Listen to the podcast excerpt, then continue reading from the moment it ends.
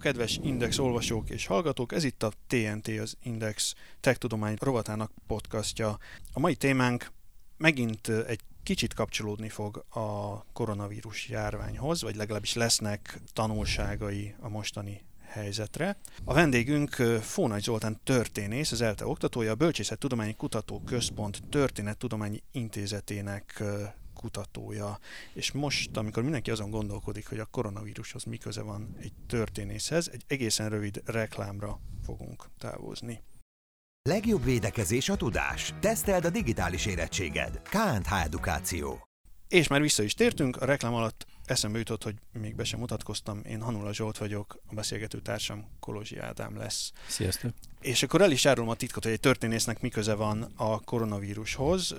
Fónai Zoltán egyik kutatási területe, ugyanis a 19. századi magyarországi kolera járványoknak a története, ami egy hát elég vészjósló, de valószínűleg elég izgalmas témának tűnik. Szerintem egy kicsit kezdjük távolabbról az egészet. Az átlagember, és itt persze magamból indulok ki, a régi járványokról nagyjából annyit tud, hogy volt lepra, kolera, tífusz, nagyon visszataszító korságok, hogyha konkrétumot kéne említeni, akkor, akkor a, a, a fekete halál, meg a spanyolnát, ami, ami így beugrik, de úgy egyébként nem sok. Hogy kéne ezt elképzelni, hogy régen az embereknek így a mindennapjaik része volt, mint mondjuk most az influenza, hogy, hogy szezonálisan jött valami rettentő kór, ami megtizedelte a, a, az embereket, vagy ez inkább így mondjuk évtizedenként, emberöltőnként jött egy nagy csapás, amiben aztán kihalt a félfalu?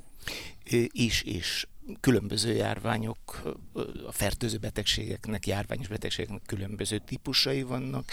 Voltak olyanok, amik gyakorlatilag állandóan jelen voltak egy-egy területen, egy-egy földrajzi régióban, és időnként szezonálisan, vagy pár évente fölerősödnek. Tipikusan ilyenek voltak a járványos gyermekbetegségek, a kanyaró, a vörheny, a himlőnek az enyhébb formái, de természeti környezettől függően, tehát például folyók mentén, vizes területeken a malária Magyarországon is a 19. század második feléig Magyarország számos területén ez, ez egy állandóan jelenlevő népbetegségnek számított. De ugye egy másik ilyen nagyon ismert és csak a 20. század közepén legyőzött fertőző betegséget említsek, a, a TBC, ami a 19. század második felére, 20. század első felére igazi népbetegségé vált. Ez a nagyvárosiasodásnak, urbanizációnak és, a, és az iparosodásnak a, a következménye volt, hogy, hogy ennyire sokakat érintett. Ugye a 20. század elején, 19. század végén ezt Magyarországon Morbus hungaricusnak eh, nevezték, magyar halálnak, mert Budapesten a századforduló táján minden negyedik halálnak az oka a TBC volt. Tehát voltak ezek a típusú betegségek, amik jelen vannak, olyan természeti adottságnak fogadják el az emberek, beletörődéssel fogadják el, mint, a, mint, mint mondjuk az évszakoknak a változását.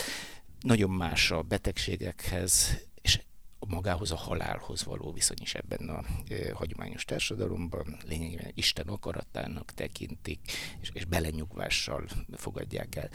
És voltak ezek a e, nagy, nagyon heves e, heves módon viszonylag ritkán végigvonuló nagy járványok, amik közül néhány igazi világjárványá vált, természetesen az adott kornak a viszonyai között világjárvány, tehát ami, ahol egyáltalán létezett kapcsolata a földrészek között nyilván. Ezek közül a történelemben talán a legismertebb az úgynevezett nagypestis járvány, ami a 14. század közepén, 1340-es évek végén jutott el Európába. Ez érintette Ázsiát, Európát, értelemszerűen nem érintette például Amerikát, hiszen Európa még nem is tudott a létezéséről az amerikai földrésznek. Tehát a, ez ilyen a sárgaláz, a, tehát kora újkorban és 19. században is. Ugye Pest is Európában nagyjából a 18. század közepéig, tehát a 14. 18. század közepéig jó 400 éven keresztül fenyegette Európát. Ekkor ez ilyen nagy járványokban következett egy két-három nemzedéknyi szünet, és aztán a kolera volt a következő ilyen típusú, ami a 1810-es évek végétől egy évszázadon keresztül, tehát kb. 1920-as évekig több hullámban, hat nagy hullámba szokták, szokta a járványtörténet ezt sorolni, pusztította végig a világot. Ez az első igazán jól dokumentált betegség, és ezeknek a sorában aztán a, a, a spanyol náthát, ugye az influenza egyik típusát az első világháború végén, illetve azt követő egy-két évben ezt, ezt kell megemlíteni. Ezekre máshogy reagált a társadalom. Tehát ami, ami hirtelen jelentkezik, és és különösen fenyeget, különösen nagy fenyegetést jelent az emberi életre. Ebben ezek olyan járványok voltak, amik olyan mértékű pusztítást okoztak emberi életben, hogy, hogy az már a, a társadalomnak a működőképességét fenyegette, hogy példát mondjuk valószínűleg arányaiban minden bizonyal a, az írott történelemnek, legalábbis Európa írott történelmének a legnagyobb pusztítása ez az említett 14. századi nagy járvány volt, nagyon bizonytalan, nincs még statisztikai adatszolgáltatás, nincs olyan államszervezet, de tehát a becslések szerint az akkori Európának körülbelül vagy közel egyharmadát pusztította el, tehát Európa akkori mondjuk valószínűleg 100 millió alatt volt, sőt biztos, hogy 100 millió alatt volt a népessége, és ennek 30-35 százaléka egyszerűen eltűnt. Tehát ez el lehet képzelni, hogy milyen mélyreható következményeket. Ezek, ezek, ezek a típusú járványok bizony nagyon erős pánik jelenségeket hoztak magukkal. Itt most elhangzottak ilyen egészen rémisztő számok, hogy, hogy a TBC okozta a halálesetek egy negyedét Magyarországon, hogy a, a a TBC-s adat az például így nagyságrendileg abban a kategóriában van, mint ma mondjuk a szív- és érrendszeri betegségek, mint vezető halálok, vagy a ráknak az összes fajta így összesen. Ezek a, a betegségek, ezek a járványok a, a középkorban, vagy akár már így 19. században milyen szinten voltak vezető halál okok? Ezek a nagy világjárványok, ezek, ezek időszakosan jelentkeznek nagyon ritkán.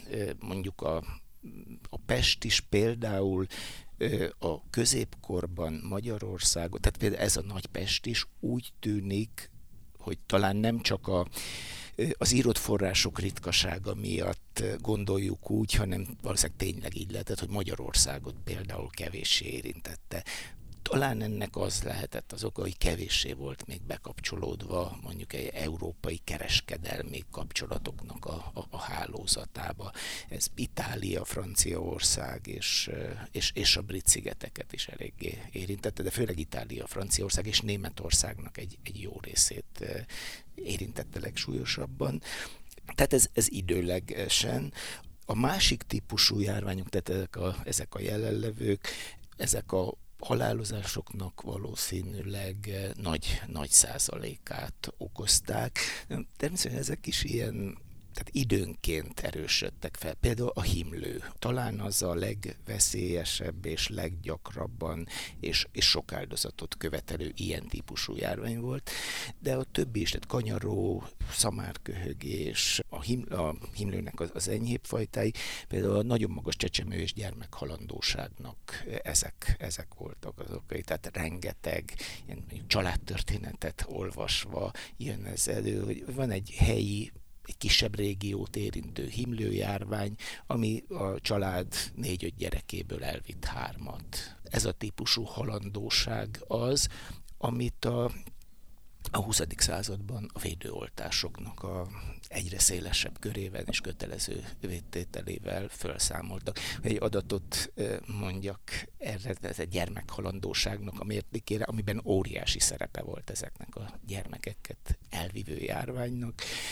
19. század közepén egy évben született csecsemőknek a közel 30%-a nem érte meg az egyéves kort, tehát 10-ből 3 meghalt, és a század közepén öt éves korra, a a század forduló táján tíz éves korra megfeleződött egy-egy generáció. Az, hogy a, a, a középkorban ilyen 30-40 év volt a várható élettartam, ez nem azt jelenti, hogy, hogy 30 évesen valaki már öregnek számított, hanem hogy annyira sokan haltak meg gyerekként, hogy ez egyszerűen van, lehúzta az van, átlagot. Így van, így van.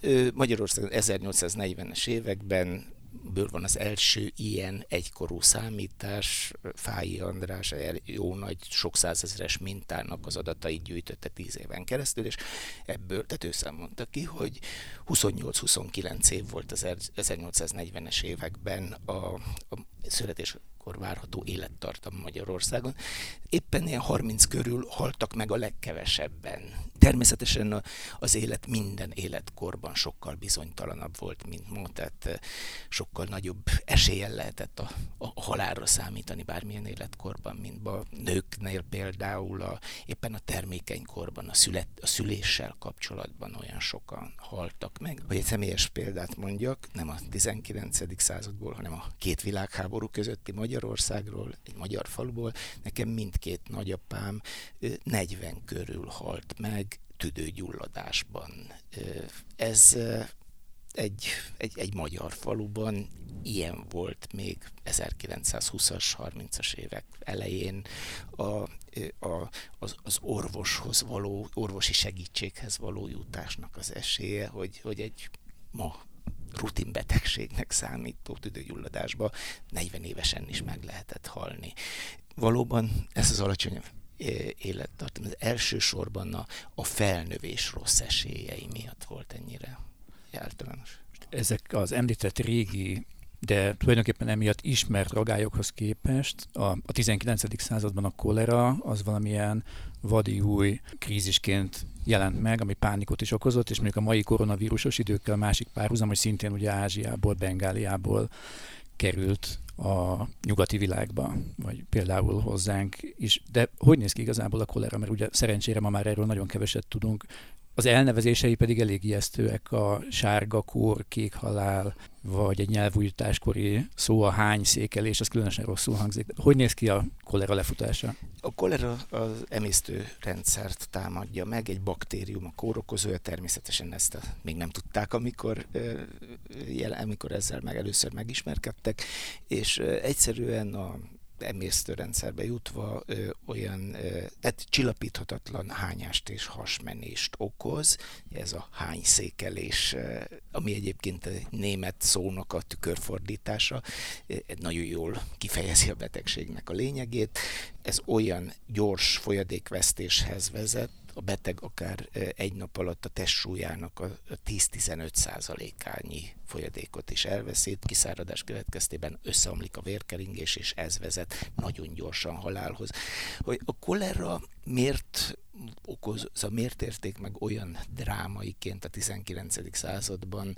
Egyszerűen a, a kolera különlegessége, hogy az állami büro, tehát hogy a bürokratikus államszervezetek kialakulásának a következtében az első jól dokumentált járvány. Tehát tulajdonképpen ez az első járvány az emberiség történetében, amivel kapcsolatban adatokról beszélhetünk, megbeszélgetéseknek a száma, haláleseteknek a száma, tehát amikor, amikor már ezt adminisztrálják. Benne van kommunikációs csatornáknak a megszaporodása, tehát hogy egyszerűen az emberek tudomást szereznek legalább, nem, sőt, mert nem csak európai, hanem mondjuk eurázsiai, és aztán Észak-Amerikát még hozzá, tehát, tehát az északi féltekén tudomást szereznek erről, tehát egyáltalán érzékelik ennek a, már egykorúan ennek a, ennek a mértékét. Hozzá tartozik a a, a másságához, hogy ez már a felvilágosodás után, felvilágosodás hatásának a hatása alatt álló világban jelentkezik, amikor, amikor más a, már az embereknek a, a viszonya egészséghez, betegséghez, halálhoz, legalábbis a társadalom elitjének más a viszonya, amikor már ö, úgy gondolják, hogy ez ellen tenni kell, és tenni is lehet. De a, ez a nagyon drámai hatás az egyébként hozzájárul a betegség jellege is. A, lappangási idő a megfertőződéstől kezdve a pár órától a az egy hétig terjed, az újabb, ugye már, már aztán modern orvosi kutatások ezt kimutatták, és a, a betegség kitörésétől kezdve akár néhány óra múlva meghaltak a betegek, de, de, de tipikus az egy-két napon belül, és nagyon magas a halálozási arány, körülbelül minden második megbetegedett, tehát akin kitörnek a tünetek, átlagosan minden második meg is halt. Azt tudjuk, hogy miért tört ki Bengáliából, ugye ez nagyjából a mai Banglades területe, ahol évszázadok óta már jelen volt, de korábban hogy megmaradt ezen a úgynevezett endémiás területen. Miért tört ki vajon a 19. században? Miért lett ebből egy világjárvány? Már egykorúan az első tudományos, orvostudományos jelentés, ami a járvány 1817-es útnak indulása után egy évvel megjelent egy gyarmati tisztviselő, egy gyarmati orvos írta ezt a jelentést, egy bizonyos James Jameson, rendkívüli időjárási körülményekkel hozta ezt kapcsolatba, hogy kicsit fölborult Bengáliában a, a, az évszakoknak a szokásos, hát nem is rendje, de a jellemzői, tehát ami hideg volt, az különösen hideg, a monszun eső különösen, különös hevességgel robbantak be, és ennek egy, szóval utólag ezt összefüggésbe hozzák a járványtörténészek és klímatörténészek egy rövid távú klímaváltozással. 1815-ben volt a tehát a, a Föld belátható történetének a, a legnagyobb, és konkretizálható történetének a legnagyobb vulkán kitörése Indonéziában, a Tambora vulkán. Tehát gyakorlatilag fölrobbant egy, egy, egy sziget, és olyan mennyiségű hamu, por, gázok jutottak a légkörbe, amik a következő két-három évben egy-két fokkal csökkentették a Földnek az átlag hőmérsékletét, és az egész Föld, pontosabban az északi féltekén olyan rendkívüli időjárás uralkodott a következő két évben. 1816 a kortárs európaiak szóhasználatában a, úgy vonult be, mint az esztendő, amiben nem volt nyár ezzel a rendkívüli időjárással hozzák összefüggésbe a járványnak, a, a járványnak az elindulását. Tehát, hogy az addig évszázadok óta egy lokális és nem túl veszélyes járvány egyszerre elindult előbb az indiai szubkontinensen, majd ez az első hullám elsősorban Ázsiát terítette be egészen Japánig, Japánig eljutott. Ekkor jelennek meg az európai sajtóban is az első tudósítások a, a koleráról. Tehát, tehát az elindulás mozzanatát azt, azt egyértelműen egy klimatikus katasztrófához kötik, és hogy miért lett belőle világjárvány, ez a gyarmatosításkora a születő és egyre, a világ egyre nagyobb, akkor is, tehát a ismert világ egyre nagyobb részét meghódító kapitalista piacgazdaság nak a, a velejárója, a világot behálózó kereskedelmi kapcsolatok, a gyarmatosítás következtében szorosabbra kapcsolódó, vagy szorosabbra záródó mobilitási csatornák, kommunikációs csatornák, ezek lesznek a, tehát alkalmasak arra, hogy, hogy, hogy szétterítsék a, a, a világon. És a, ez a 19. század folyamán az ipari forradalom, technikai forradalom, elsősorban a közlekedés, a modern közlekedési eszközöknek az elterjedésével jócskán föl is gyorsult. Ez a Na de ha ennyire, ennyire gyorsan és hatékonyan öl ez a betegség, és ennyire látványosan, és ugye akkoriban már réges-rég a karantén intézményét ismerte mindenki.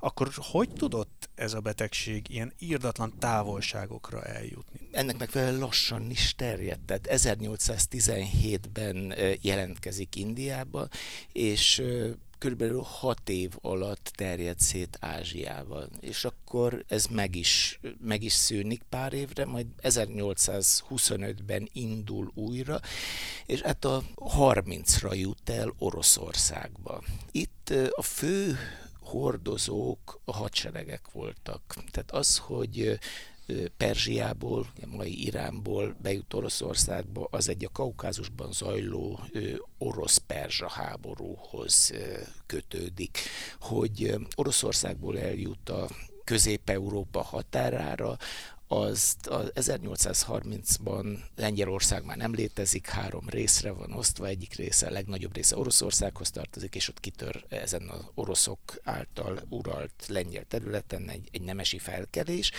Ennek a leverésére küldött orosz hadsereg hozza el Lengyelországba, tehát a, a, a szűkebben vett Európa határára és, és területéről, és aztán innen, ahol már azért nagyon élénkek a kereskedelmi, legalább rövidtávú kereskedelmi kapcsolatok, innen 30 nyarától aztán robbanásszerűen tör be a Habsburg birodalomba, Poroszországba, majd tovább Nyugat-Európa felé. Tehát a hadseregek az egyik ilyen hosszú távú terjesztői, azért a, a kereskedelmi kapcsolatok. Hozzátartozik az, hogy miközben a tehát a megbetegedettek között nagyon magas a halálozási arány, azt igazán nem, szóval nincsenek igazán pontos statisztikák, hogy, hogy mekkora a látencia. Tehát ezek a becsések az egy a háromtól az egy a százig terjednek.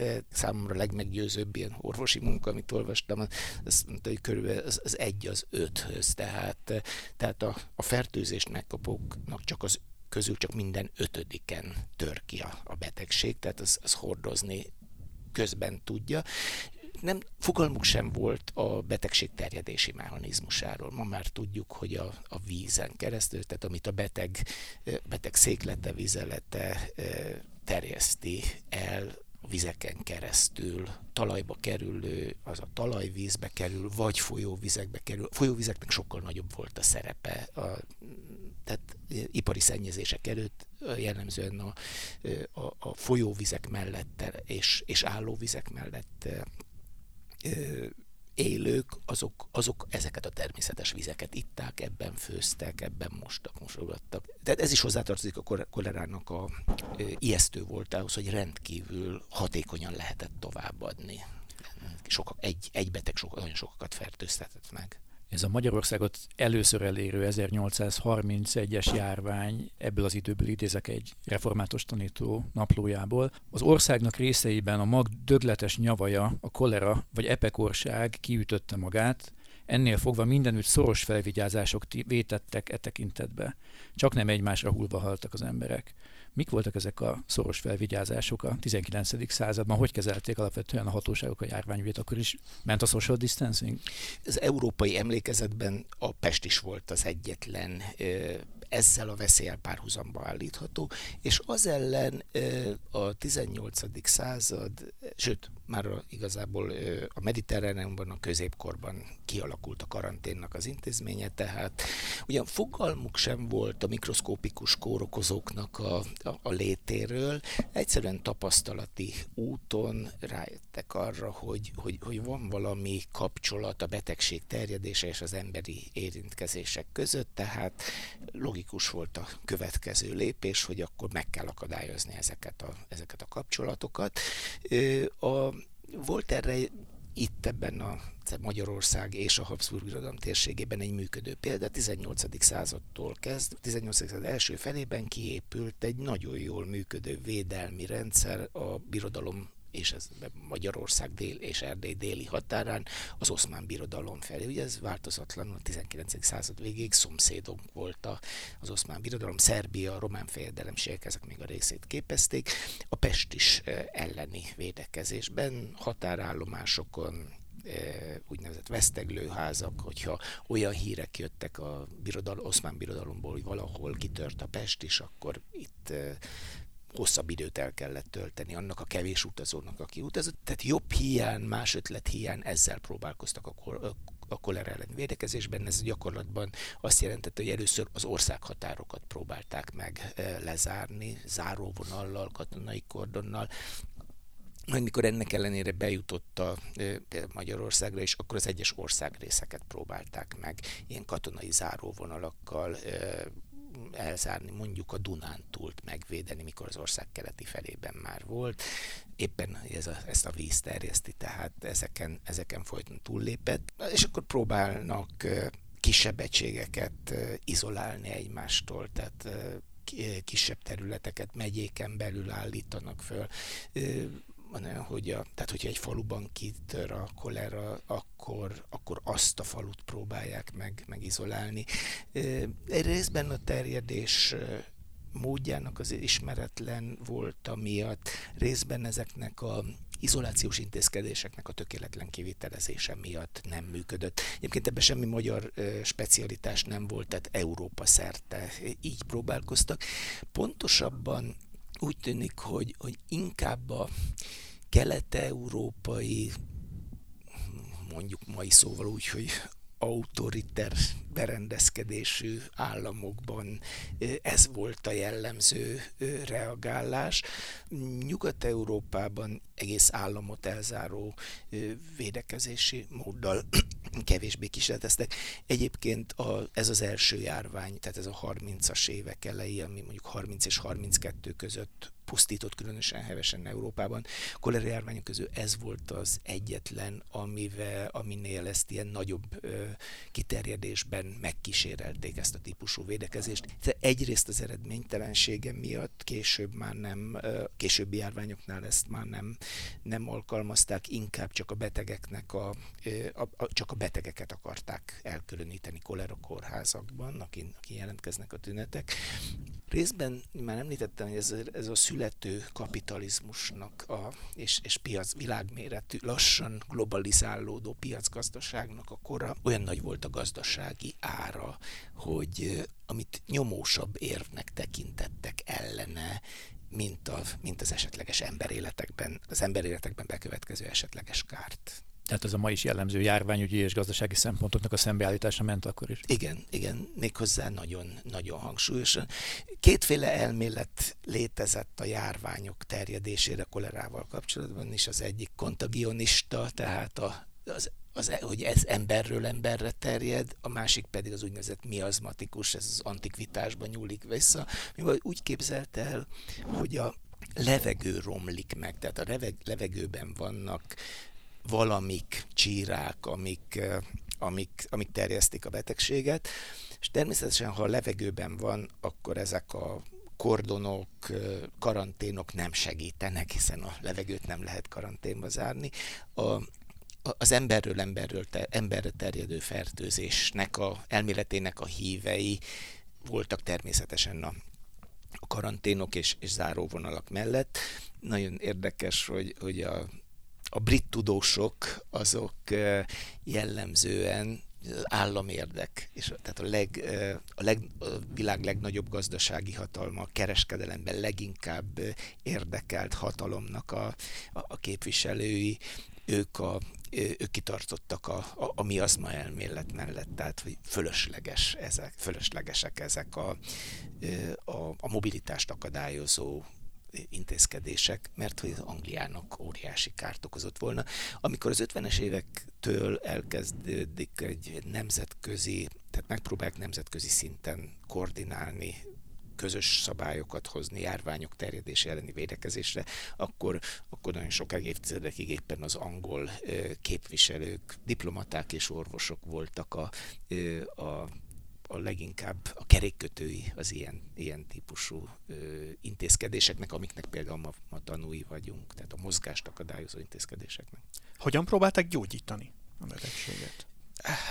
Igazából tanácstalanul álltak vele szembe, mai szemmel megmosolyogtatóan egyszerű ö, tanácsokat adnak, tartsák melegen, izzasszák a beteget, de próbálkoztak a, akkoriban rutinszerűnek, minden betegség esetében rutinszerűnek számító érvágással, a legsúlyosabb tünetnek, a, a folyadékvesztésnek a, a, a megállítása, illetve ellensúlyozása lett volna a feladat. Mondjuk ajánlják a, a, a meleg folyadékokat, tehát teának, a, tehát így van, tehát hideg vizet ne igyon. Nem nagyon próbálták gyógyítani, miután annyira gyors lefolyású és annyira heves, tehát igazából nem, nem is annyira a gyógyítással, hanem a megelőzéssel kapcsolatos tanácsokat tartalmazott az a nagyon bőséges kolera ügyi irodalom, amivel itt hirtelen elárasztották az egyébként még az írásbeliségnek egy nagyon alacsony fokán álló társadalmat minden nyelven, tehát minden, és minden országban. Ha, hirtelen hatalmas irodalma keletkezett ezeknek a tanácsadóknak, amit az állam, az állam is, meg orvosok, de, de kuruzslók is elárasztották a, a nyomtatványok piacát, teljesen ellentmondásosak ezek van, amelyik az alkoholnak a jótékony szerepét hangsúlyozza a megelőzésben, mások éppen a, az alkoholfogyasztást tekintik a, a különösen hajlamosító tényezőnek. Ez nagyjából egybehangzó, hogy bizonyos növényeknek, például az uborkának a fogyasztásától eltanácsolják, de, de a zöld gyümölcsök, tehát az éretlen gyümölcsök fogyasztása fogyasztásától, vagy tejtermékek fogyasztásától. Szintén visszatérő tanács, hogy, a, hogy kerüljük a nagy indulatokat, a heves indulatokat, legyen az félelem, düh, eh, vagy eh, tehát, tehát, egy, egy tehát, tehát a nyugalomnak a, a megőrzése az, eh, az jó védelmet nyújt a, a megbetegedés ellen. Ez nagyon érdekes, hogy előjöttek a kuruzslók, mert ugye most a koronavírus járványjal kapcsolatban is az egyik, hát nagyon zavarba ejtő aspektus az egésznek az, hogy gomban mód szaporodnak mindenféle kuruzslók és szélhámosok, akik mindenféle csodaszereket hirdetnek, ami gyógyítja a, a betegséget, és véletlenül pont ők árulják. Ez mennyire volt jellemző annak idején a, a, a koleránál, hogy tudatosan olyasmikről állították, hogy már pedig ez gyógyítja, nem tudom én, sárkányfű, amit tőlem lehet megvenni, miközben tudták, hogy nem. 1830 körül ez így történik, tulajdonképpen abban semmi meglepő nincs. Szerintem inkább az szorul magyarázatra, tehát az, tehát az, a, az a nagy rejtély, de hát ez inkább nyilván egy pszichológusnak, vagy szociálpszichológusnak az asztala, mint a, mint a történészé, hogy, hogy a 21. században a, a, a természettudományok és a természettudományos világszemlélet köze 200 éves hódítása, térhódítása és, és abszolút dominánsá válása után is ilyen, ilyen kereslet van. Te, tehát, hogy vannak, vannak bőségesen vevők ezekre a, ezekre a kuruzsókra. Tehát ez a 19. század első felében tulajdonképpen természetesnek tekinthető. A, nem csak járvány idején egyébként is ez az egyetemi akadémiai orvoslás a társadalom túlnyomó többségének az életében az égvilágon semmilyen szerepet nem játszott. A, egyrészt azért nem, mert mert nem volt hozzáférhető, tehát annyira kevés egyetemen képzett, tehát a, tehát a, tudományos orvoslást képviselő orvos működik még mondjuk egy, egy Magyarország, reformkori Magyarországon, hogy a társadalom nagy része, túlnyomó része számára nem hozzáférhető, de még akik számára hozzáférhető lenne, meg tudnák fizetni gazdagabb egy jobb módú jobbágy például. Egyszerűen a, a mentalitásban, a világnézetben ez, ez nincs benne. Ha valamilyen egészségügyi segítséget igénybe vesznek egyáltalán, az, az a javasasszony, a parasztbába esetleg. Ez, és ezekben a segítségekben gyakorlatilag kibogozhatatlanul összekeverednek a, a valódi tapasztalatokon alapuló eljárások, tehát például gyógyfüveknek, a, tehát ma is használt gyógyfüveknek, és, és orvostudomány által is igazolt jótékony hatású gyógyfüveknek a, a használata, és, a, és az abszolút mágikus eljárások. Tehát tehát, hogy ehhez fordulnak nagy járványok idején, és ez tulajdonképpen magától értetődőnek számít, és természetesen aztán vannak, tehát ennek vele járója, hogy, hogy, hogy vannak olyanok, akik olyan élelmes, idézőjelbe élelmes üzletemberek, akik, akik aztán ki is használják ezt a piaci lehetőséget nagyban. Mennyire volt apokalipszis hangulat? Ő az volt. Az volt, különösen az, ennél az 1830-as évek elejé járványnál, egyrészt az ismeretlensége. Tehát, tehát ezzel a típusú betegséggel korábban nem találkoztak. Nincs rá magyarázat, nincs rá magyar, nincs magyarázat a terjedésének a módjára. Hogy, hogy én megmagyarázhatom, hogy az egyik faluban nagyon súlyosan, tehát tucat számra viszik el az embereket, és mondjuk a szomszéd faluban meg senki nem betegszik meg és természetesen, hogy érzékelik a, a, a hatóságoknak a, a tanácstalanságát, és az orvos, tudom, az orvosoknak a tanácstalanságát, ellentmondó intézkedések, ez, ez növeli, a, növeli a kétségbeesést. Képzeljük olyan jeleneteket több egykorú forrásban, vagy, visszaemlékezésekben is találjuk ezt, hogy eleinte, tehát amikor megkezdődik egy városban a, a kolera halálozás, és egy darabig ragaszkodnak a normális temetésekhez, tehát hogy harangszóval, tehát gyakorlatilag egyfolytában zúgnak a harangok, aztán betiltják ezt, mert, mert éppen ez fokozza a pánikot, akkor meg az, hogy tehát ez a, ez, ez a csend, tehát hogy úgy temetik el a, a, a halottakat, ahogy tudom egy döglött kutyát szokás, megássák a tömeg, tehát tömegsírokat kell ásni, hogy győzzék a temetést. Akkor már sokszor előre megássák, esetleg oly a hatóságok olyan településeken is elkezdik ásatni a tömegsír, ahol még nincs is kolera. Szóval pánik jelenségek kísérik a kolerának ezt az első jelentkezését Európa szerte, tehát ebben sincsen semmiféle magyar sajátosság. Ebben a pánikban bizony a, a társadalom stabilitása is meginog, tehát egymásnak esnek a különböző rétegek. Most egy pár másodperc reklám következik, és utána jövünk az újabb okos kérdéseinkkel. Legjobb védekezés a tudás. Teszteld a digitális érettséged. KNH Edukáció. És már vissza is tértünk. A mostani járványnak egy nagyon erős jellegzetesség, hogy borzasztóan át van politizálva. Gondoljunk arra, hogy Amerika és Kína mutogat egymásra, vagy hogy az amerikai elnök választás az idén kb. arról fog szólni, hogy most Trump jól vagy rosszul kezelte a helyzetet, a magyar hisztiről nem is beszélve.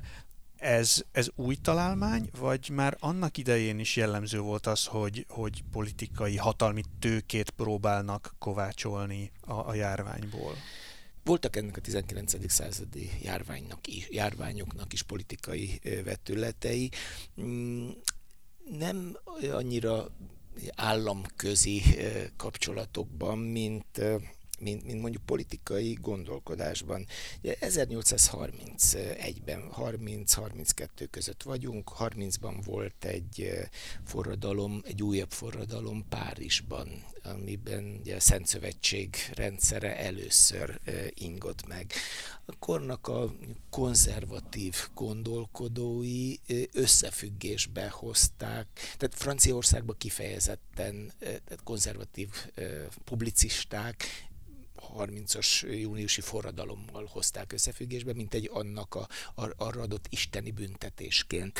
De ennél szélesebb körűen erre leginkább Németországban lehet példákat hozni a hódító koreszmével, a liberalizmussal hozták összefüggésbe. Tehát, tehát még mindig megjelenik az a középkori típusú gondolkodás, hogy a, a járványok Isten büntetései, és természetesen ahol büntetés van, akkor először meg kell előznie valamilyen bűnnek, és, és, és ennek a bűn keresésnek, bűnbakkeresésnek vannak társadalmi, szociális leágazása is, tehát hogy olyan módon keresik a bűnbakokat, de vannak, vannak ilyen politikai gondolkodás, tehát politikai vetületei is, tehát ez a konzervatívok a, a, a liberalizmusban látják. Tehát már akkor is megvoltak az ellenségképek, Ö... hogy nem értjük, mitől van a járvány, tehát akkor generálunk ezek, egy ellenségképet, hogy miatta ez, ezek volt. valószínűleg ez egy időtlen antropológiai állandónak tekinthető a, a bűnbakkeresésnek. A,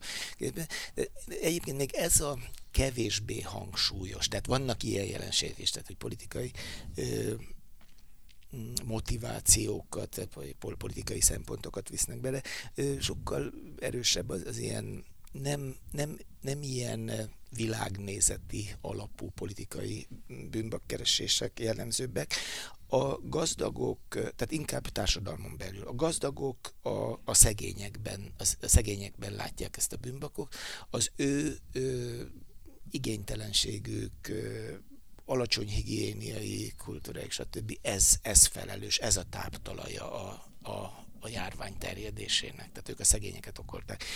Hangsúlyosabb az, hogy a szegények a gazdagokat okolják, mert hogy ugyan ez egy nagyon demokratikus betegség volt, tehát gazdagok, szegények egyformán fenyegetve voltak, de nyilván mégis a, a jobb módúaknak több eszközük volt a, az elkerülésére, jobbak a higiéniai körülmények. Mondjuk hozhatják egy egészséges vizet kútról a, a, a vizet, tehát jobb esélyük van rá, hogy izolálni tudják, tudják magukat, jobbak a lakásviszonyaik. Tehát mégis az, az terjed el, hogy ez a gazdagokat nem érinti. Érinti, csak valószínűleg arányaiban kevésbé.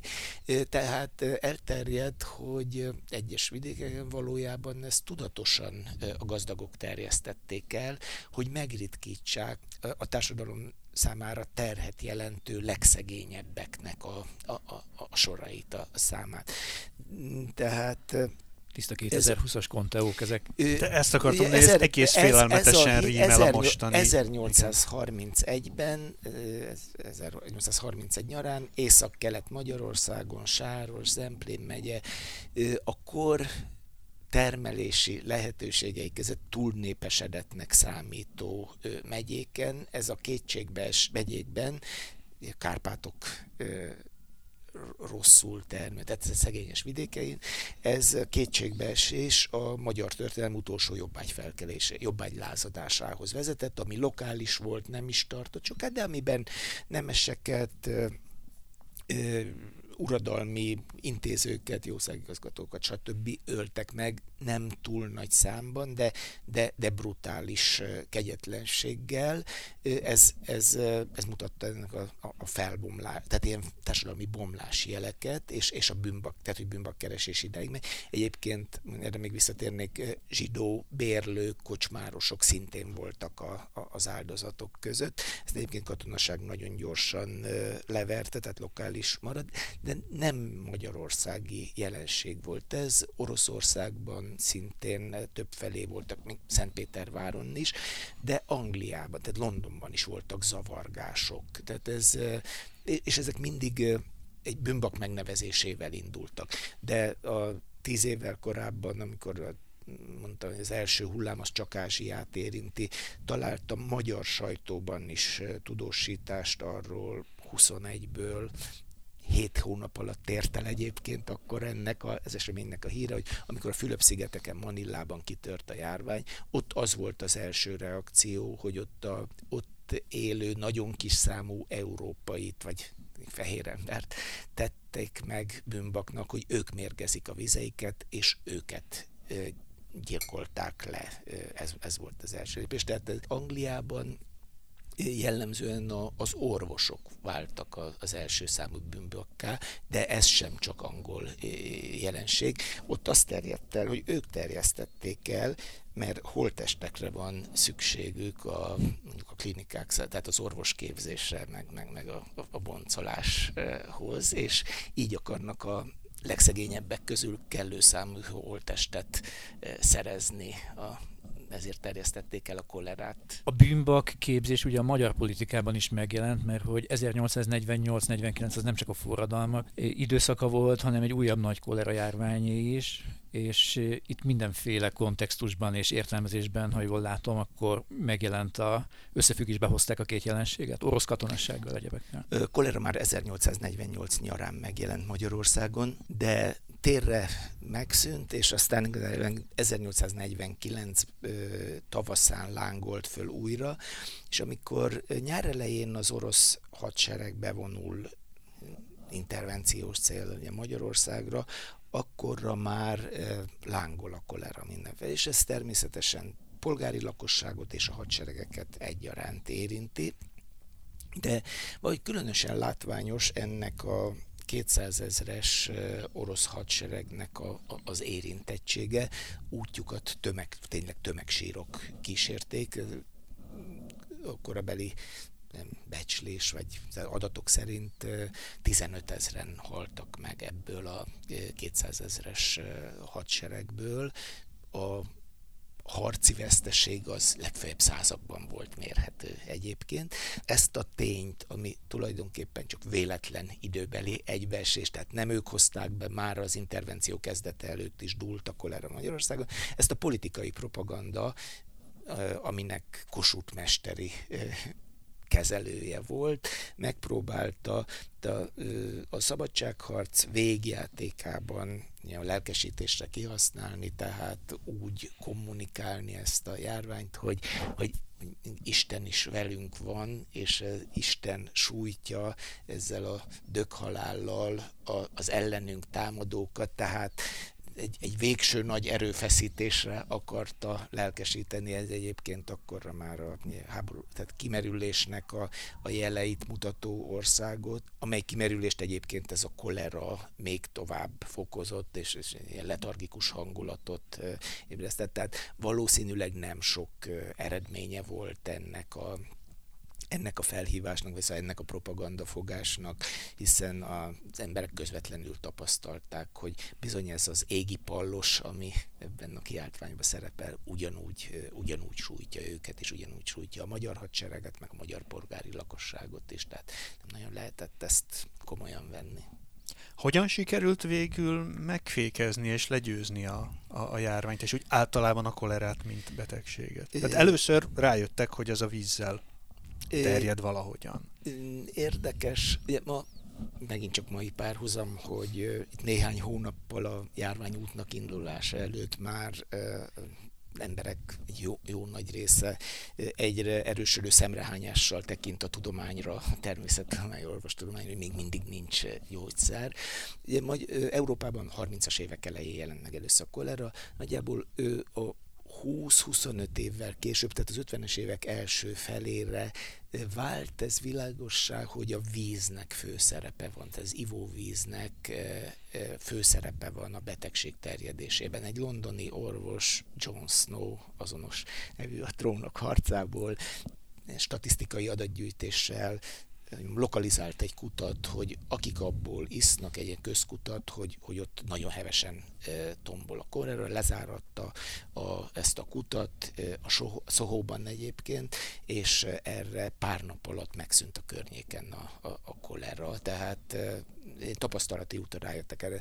Magát a kórokozót egy közel ehhez képest 30 évvel később találta meg Robert Koch, a a kolera vibrio, tehát egy baktériumot, ami, ami ezt okozott. Tehát 50 évvel vagyunk a első európai jelentkezése után, de ez még mindig nem jelentett gyógyítási lehetőséget, az már csak a 20. századnak a, az eredménye volt. Ennek ellenére gyakorlatilag ekkorra már 1870-es évek utántól Európában és Észak-Amerikában jelentős, tehát ilyen, ilyen világjárvány méretű és, és ilyen nagy pusztítást már, már nem okozott. Ennek a hátterében elsősorban a megelőző intézkedések járt, ragadhatók meg, különösen a városokban, a nagyvárosokban, ahol ekkor szédületes ütemű népességkoncentráció zajlik. Itt a, a, a vízvezeték és a csatorna hálózatnak a kiépítését tekinthetjük ilyen, ilyen, ilyen kulcs, kulcsmozzanatnak, illetve aztán a, az ellenőrzésnek, tehát a betegek bejelentésének és, és elkülönítésének a, a, a tökéletesedését nagyjából ezek. Tehát, tehát nem védőoltás, nem, nem gyógyszer kitalálása, hanem egyszer, egyszerűen a köztisztasági, higiéniai viszonyoknak a, a javulása, javulásának köszönhető, hogy, hogy, hogy, a, hogy a nyugati civilizáció területeiről eltűnt. Az utolsó ilyen drámai jelentkezése ami már lokálisnak tekinthető, az 1892-ben Hamburgban volt, ahol, eh, ahol, ahol váratlanul eh, hevesen tört ki, és egy eh, két hónap alatt 8000-en haltak meg a kolerában.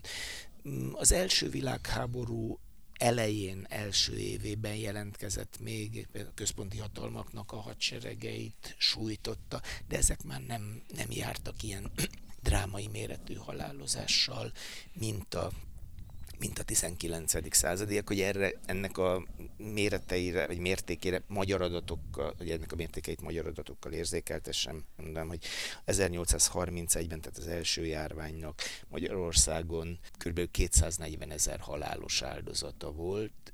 A magyar korona országai, tehát Horvátországot és Erdélyt is beleértve lakossága akkor 12 millió volt, tehát nagyjából a, a nagyságrend összehasonlítható a, a mai 10 millióval, ebből 240 ezeren haltak meg. A másik Magyarországon legtöbb áldozatot követelő járvány az 1872-73-ban pusztított, ez volt az utolsó nagy magyarországi kolera járvány, annak körülbelül hasonló nagyságrendű, vagy, vagy ennél valamivel több halálos áldozata volt. Az, az időben elnyúlt, ezért nehezebb egy ilyen kerek számot mondani, lehet találkozni 400 ezerrel is, de akkor a lényegesen nagyobb népességszám mellett. Tehát arányaiban ez 1831-es volt, amikor azt jelenti, hogy az ország lakosságának a 2%-át elvesztette. Emögött, hogy tehát ehhez képest ma tulajdonképpen mm, szinte érzékelhetetlenül alacsony halálozási számokról beszélünk világszerte, hogy mégis másképpen fogjuk fel, mögött ott van, hogy időközben az emberi élet értékéhez való viszony gyökeresen átalakult a, a modernizáció során. Ma létezik még kolera? Ilyen nagyon eldugott, nem tudom én, afrikai, ázsiai helyeken, ahol a higiéniás viszonyok kb. olyanok, mint nálunk a 19. században? Hogy ne létezik. A és ma leginkább, tehát 20. század végétől, 21. századból is, leginkább egyébként Dél-Amerika és Latin Amerikából jönnek ilyen hírek, ha biztosan emlékeznek sokan a, a szerintem az a tízes évek elején volt Haitin egy, egy földrengés. Tehát, eh, Ahova általában... az a fenntartók vitték be a kolerát, ez hát, nem az volt? Hát én nem tudom, hogy ők vitték-e be, de jellemzően ott törnek ki lokális jelleggel, ahol valami miatt az infrastruktúra összeomlik. Hát ott is én hiszem, hogy valószínűleg szoros összefüggés volt, amikor a földrengés tönkretette a vízellátást, csatorna hálózatot, tehát, tehát, kitö, tehát van, létezik a kolera ma is, lo, általában lokálisan jelentkezik időnként, tehát, tehát én igazán nagy kiterjedésű járványjal 1920-as évektől nem vált már és védőoltás az azóta sincs rá, mert egyszerűen nem volt szükség kifejleszteni? Van, van, van, van tudom, van védőoltás a kolera ellen, de meglehetősen alacsony hatékonyságú, tehát ha jól hiszem, ilyen 60 os valószínűsége van, hogy, hogy, hogy megvéd. Valószínűleg éppen a visszaszorulása miatt nem nem, nem költenek rá igazán, tehát nem egy, nem egy súlyponti kérdés már az orvostudománynak. Pest is is létezik, eh, ugyanígy szorványos megbetegedésekkel, eh, leginkább, mondjuk Pest is leginkább olyasmivel kerülhetett tudományos eh, technikai hírekbe, elmúlt évtizedekben, hogy, hogy vegyi fegyver céljára kísérleteznek vele. Állítólag a 80-as években például a Szovjetunióban komolyan foglalkoztak, hogy a pestis kórokozójából biológiai fegyvert állítsanak elő. A kolera a 19. század lelkiismerete, mondták, vannak valamilyen szerinted mának szóló járványügyi vagy egyéb tanulságai a korabeli helyzetben, hogy ne próbáljuk ilyen olcsó tanulság szerzésre használni a történészeket? Tanulságai biztos vannak, meg lehet párhuzamokat keresni, hogy az már egy ennél általánosabb kérdés, hogy szokott-e az ember tanulni a, a múltból, a a történelemben ez, ez inkább egy, egy történetfilozófiai kérdés. Nagyjából az a, tehát azt, azt tudnám mondani, hogy keresünk valamilyen tanulságot belőle, vagy általánosítható megállapításokat, hogy ezek a nagy kihívások, és ez nem csak a kolerára, de elsősorban mégiscsak a koleránál maradnék, hiszen az az, az, az a járvány, ami már a modernitás körülményei között állította egy, egy ilyen próba tétel elé a, az emberi civilizációt, nyugati civilizációt. Tehát most akkor erre, tehát modern korra szűkítve, hogy ezek a nagy kihívások, amit egy, egy ilyen világjárvány jelent, általában tehát nem hoztak gyökeresen újat, viszont meggyorsítottak olyan tendenciákat, olyan útkereséseket, amik egyébként is úgymond benne voltak a levegőben. A kolera kapcsán például azt tudnám elmondani, hogy a, a nagyvárosok infrastruktúrájának köztisztasági gondolkodásának a kialakulása, a fejlődésében egy ilyen katalizátorként hatott. Tehát az, hogy, tehát valószínűleg mindenképpen kiépült volna, szükség, elkerülhetetlen volt, hogy vízvezetékhálózat és, és szennyvízcsatorna hálózat épüljön ki olyan településeken, ahol annyi ember koncentrálódik, hogy azt már szóba se jött, hogy a természet megoldja a, ezeknek a ezeknek a szükségleteknek a, a kezelését, de, de a kolera ö, nagy lökést adott a Budapest esetében is 1866-ban is volt egy súlyos kolera járvány, nem olyan súlyos, mint a két említett. Budapest első, de pontosabban a Pesti oldal első vízvezeték hálózatát, a kiépítését ezután határozták el, ami a, a vízmű a, a mai parlament helyén annak az északi szárnya helyén volt, ami jó részt tisztítatlan vízzel látta még el a belső területeket, és amikor 90 körül van egy újabb akkor inkább már csak fenyegetés marad, tehát nem, nem lesz igazán súlyos járvány belőle. Ez adott egy blökést annak, hogy, hogy megoldják azt, hogy kizárólag tisztított víz kerüljön, a, tehát szűrt víz, parti szűrési kutak kiépítése Pesttől északra, vízműtelepek kiépítése, ez ennek megint ez a 90-es évek elejé kolera veszély adta, adta neki lövés, de, lökés, de, de például Hamburg is ezután tér tért át a, a, a szűrt vízre ezután, a 90, az említett 92-es járvány után. Orvosi eljárások közül az infúziót említeném meg, ugye miután a koleránál folyadékvesztés a, a fő tünet. Már az els elején megszületett az ötlet, egyébként körülbelül 70 év kell, 60-70 év kellett, míg használható eljárás vált belőle, de, de tulajdonképpen összefüggésbe hozható a, a a kolerával, és még egy területen a, a, a, a statisztikai adatgyűjtést, tehát az egészségügyi statisztika, az egészségügyi típusú ö, statisztikai adatgyűjtése az államoknak, ez nagyon szorosan összefügg a, a, a 19. század első felének a kolera járványaival. Hát ahhoz képest, hogy mennyire borzasztó ez a téma, ez egy ilyen közepesen reménykeltő végszó lehet. Ö, Köszönjük szépen Fónai Zoltánnak, hogy a vendégünk volt. Köszönöm a meghívást. Kedves olvasók és hallgatóknak pedig annyit tudok mondani, hogy két hét múlva találkozunk legközelebb, addig lehet minket keresni a Spotify-on, az iTunes-on és az Indexen. Tegyetek ránk ilyen kis csillagot, lájkot, meg hasonlókat, és akkor többet fogja a rendszer majd előrébb sorolni a TNT podcastot. Köszönjük szépen, hogy velünk voltatok, sziasztok! Sziasztok! Sziasztok!